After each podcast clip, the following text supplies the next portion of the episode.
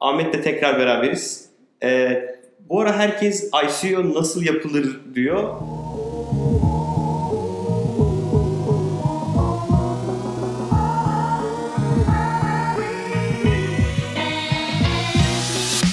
Şu ana kadar yapan oldu mu bu arada Türkiye'de? Tabii. Oldu. İlk Kim yapan var? geçen sene, yani geçen sene?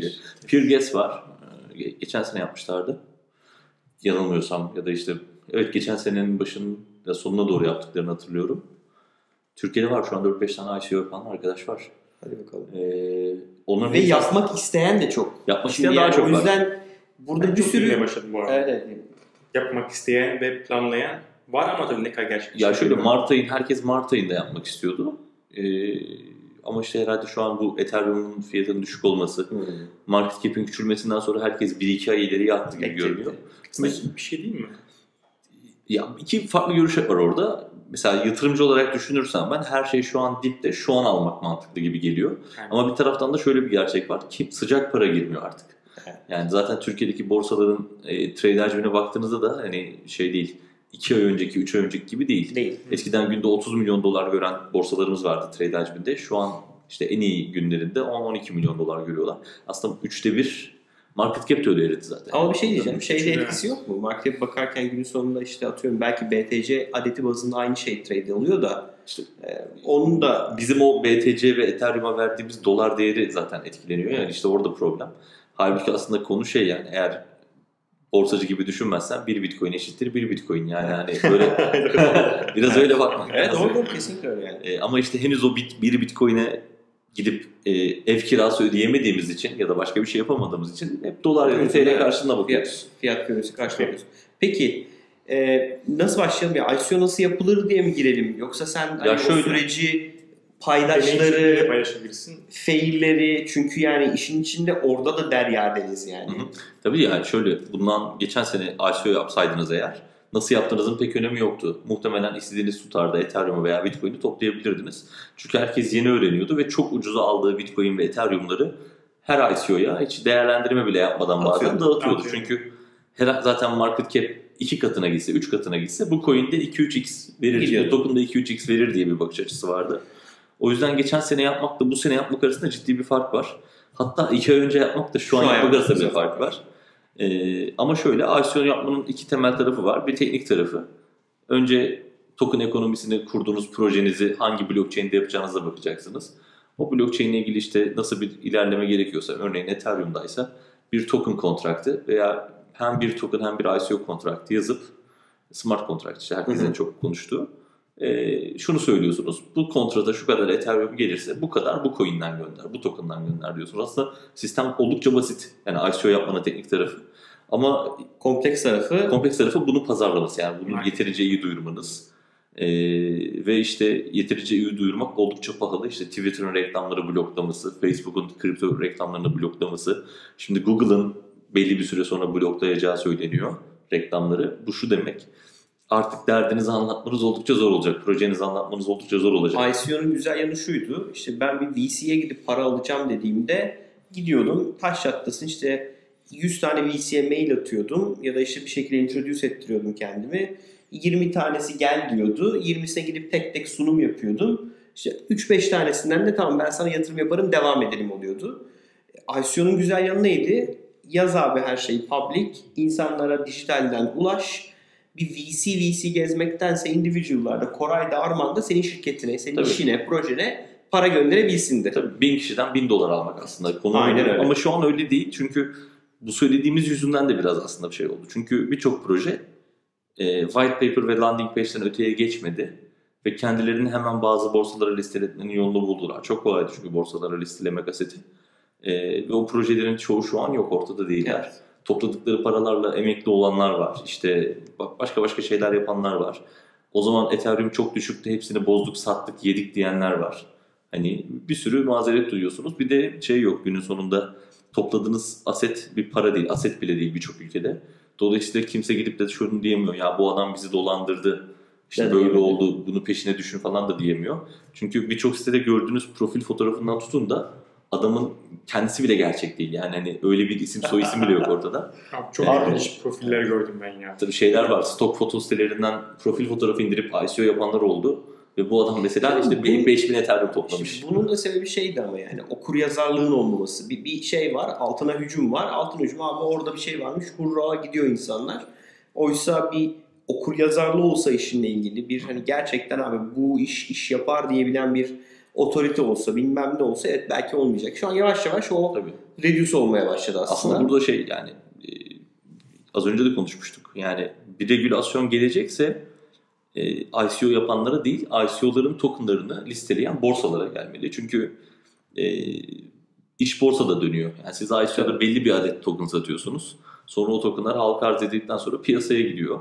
Piyasada mesela ben çok net söyleyeyim yani ben 3 aydır, 3,5 aydır bir sürü borsayla konuştum. Henüz henüz şu ana kadar yani e, anlaştığımız Ovis, Bankor e, ve Lifecoin harici hiçbir borsa bize siz hangi ülkede şirket kurdunuz, e, siz kimsiniz, ortaklarınız kimler diye sormadı. Düşsene adam Parayı Para- ver. Parayı Tabii. ver listeleyelim Yani diyor. Çünkü abi düşünsene işte bir- bir- birçok şeyde KYC bile yapmıyordu adamlar. Yani müşterisini bile alırken kimlik soran adam ICO yapacak adamı sormuyor. Tabii. Yani çok şey e, ilginç bir ekosistem var orada. Mesela en büyük borsalar dediğimiz hani güvendiğimiz borsalar bile hani hani hariç tutayım Poloniex'tir ne bileyim Bitrex'tir bunları hariç tutarak konuşuyorum. Ya da Bi- Binance'dır bunları hariç tutarak konuşuyorum. E, şey istiyorlar işte 25 bitcoin ver bize seni listeleyelim. Ayrıca 10 bitcoinlik de joint vereceksin bize.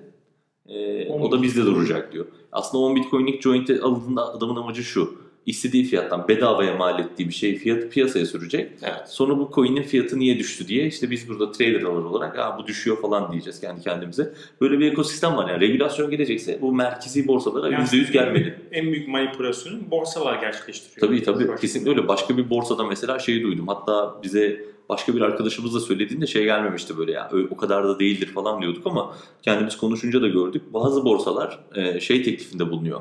Bize 30 gün boyunca her gün 100 Ethereum gönder. Senin trade'ini şu hacimde tutalım.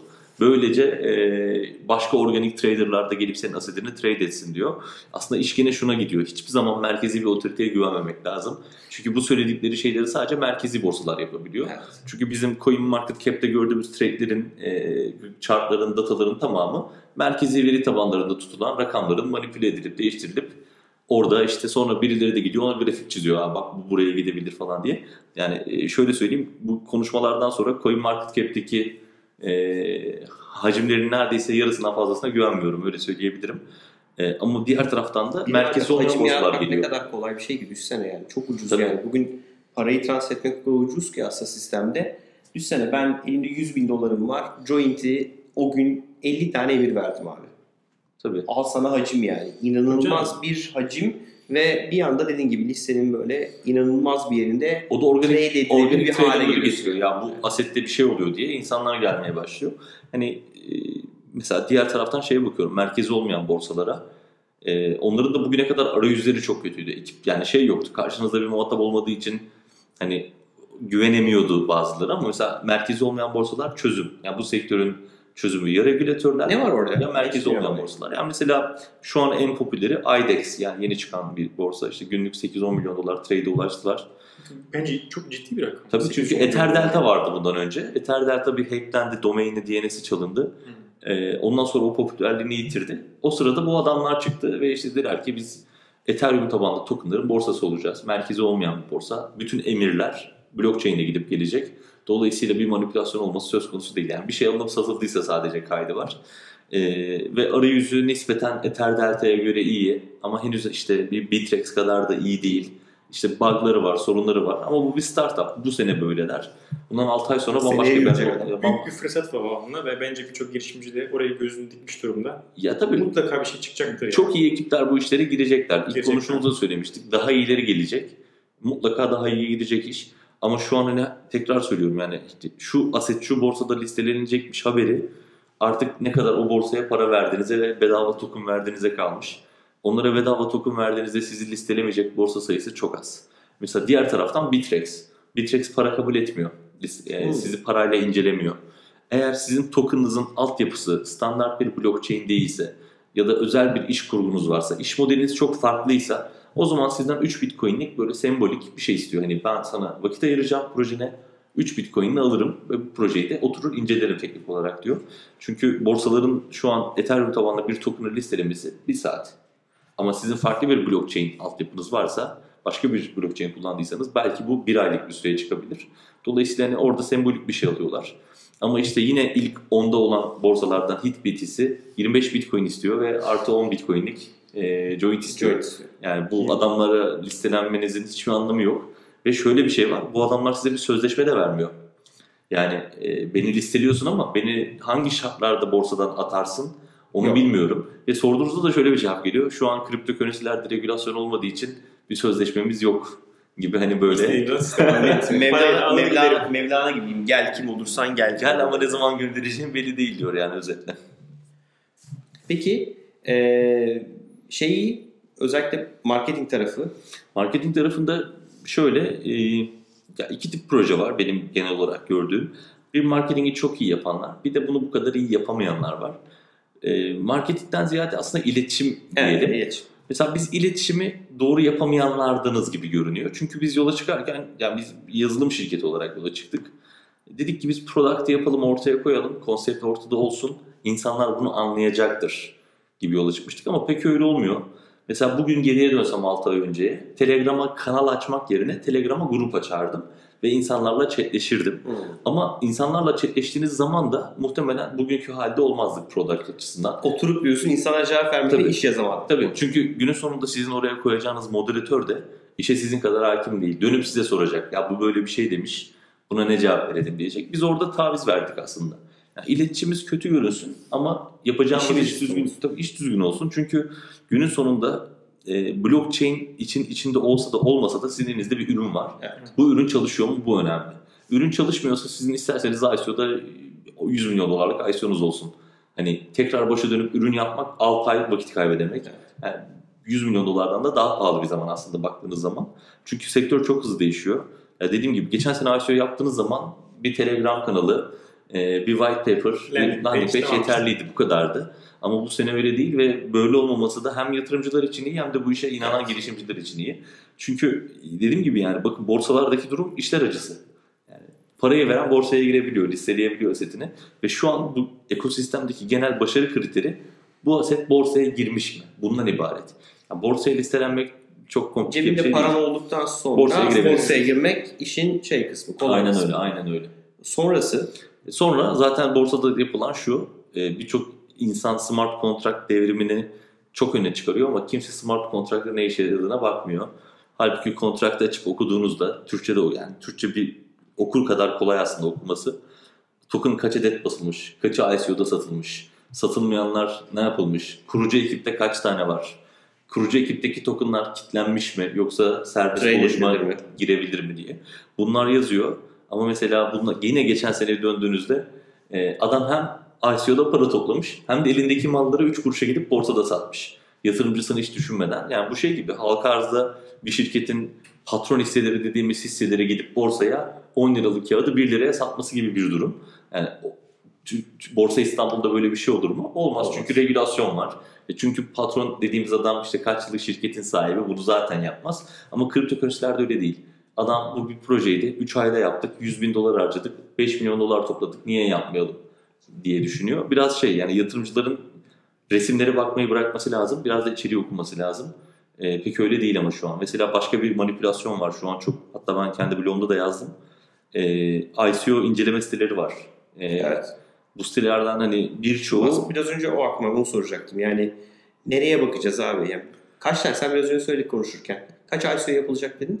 ya işte şu an takvimde olan gör- görünen bu ve belli sitelerde görünen 300'den fazla ICO var. 300 ICO. Peki abi hangisine para vereceğim? Hangi ICO'ya gireyimi bir şekilde bir advise edecek bir yerler olması lazım. Doğru var mu? böyle bunu doğru dürüst yapan yerler var. Ama hani en doğru dürüst yaptığını düşündüğümüz yerde bile emin değiliz. Yani çünkü günün sonunda da o içeriği yazan bir kişi sonunda do your own research. tabii Kendi- kendi yapacaksın. Evet. Özellikle yani anladığı, insanlar anladığı işlere yatırım yapmalılar. Yani bir şekilde matematiğini kavrayabildiği işlere yatırım yapmalılar. Çünkü yani ne ekibi tanıyorsunuz ya adamın profil fotoğrafı veya LinkedIn profili hiç önemli değil. Adamın içini tanımıyorsunuz. Yani, yani bu Facebook'ta bile adamın 500 arkadaşı var. E, 450 tanesini tanımıyor gibi düşünün. Ya bir de hiç tanımadığı bir ülkede, hiç tanımadığı bir iş, hiç tanımadığı bir alanda gidip yani yatırım yapmak oldukça riskli. Ya ben şey geçen konuşmamızda da söylemiştim.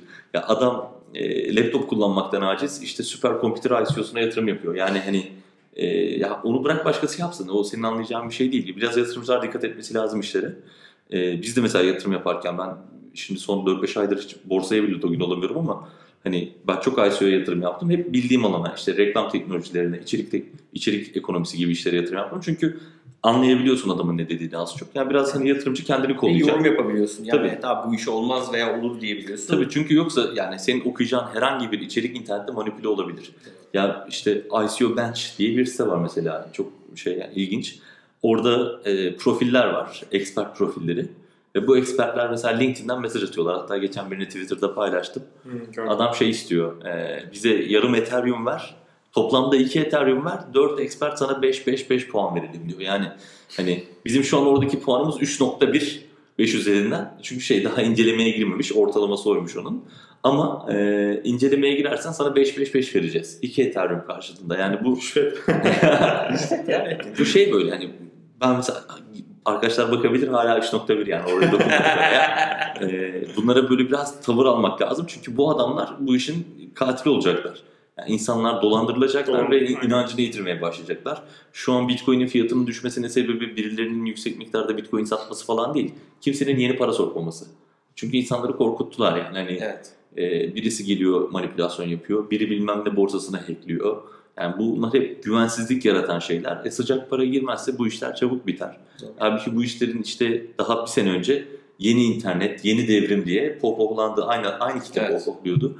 Biraz o yüzden düzgün gitmek lazım. Ben o yüzden regülasyon yani çok böyle hani regülasyon gelsin falan diye de bağıranlardan değilim ama hani bu borsalarla da bu sektör gitmez. Yani onun 2 artı 2 4.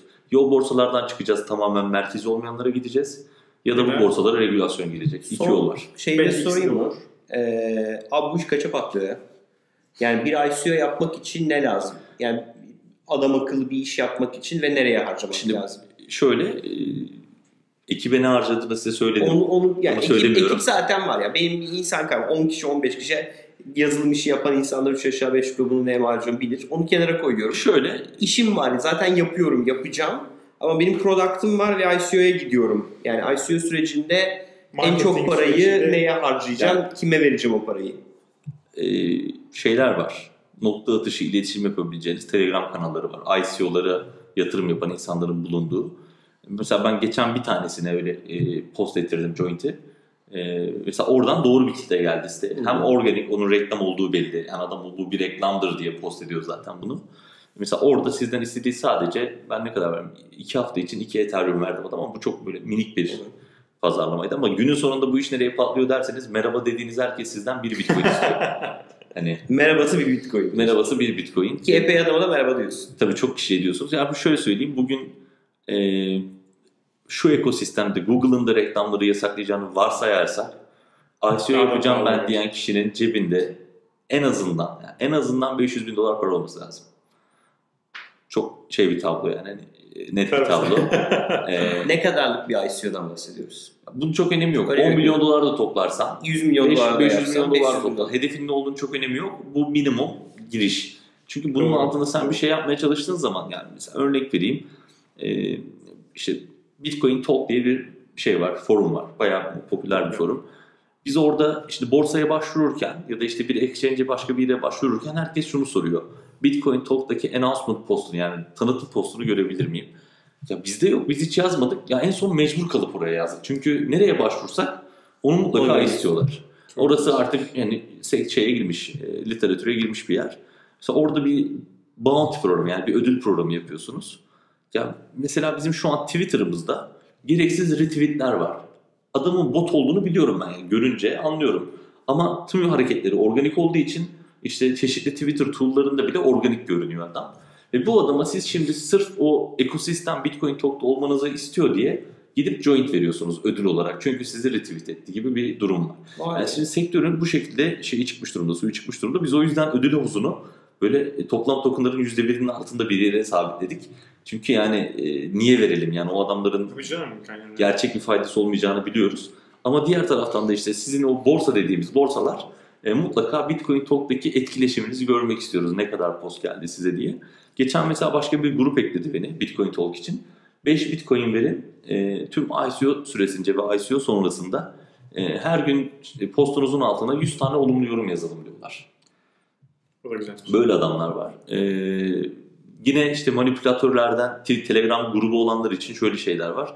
Bize işte haftalık 18 Ethereum verin tam rakam hatırlamıyorum. Haftalık işte belli bir adette Ethereum veriyorsunuz. Her gün sizin projeniz için hype yaratıyorlar.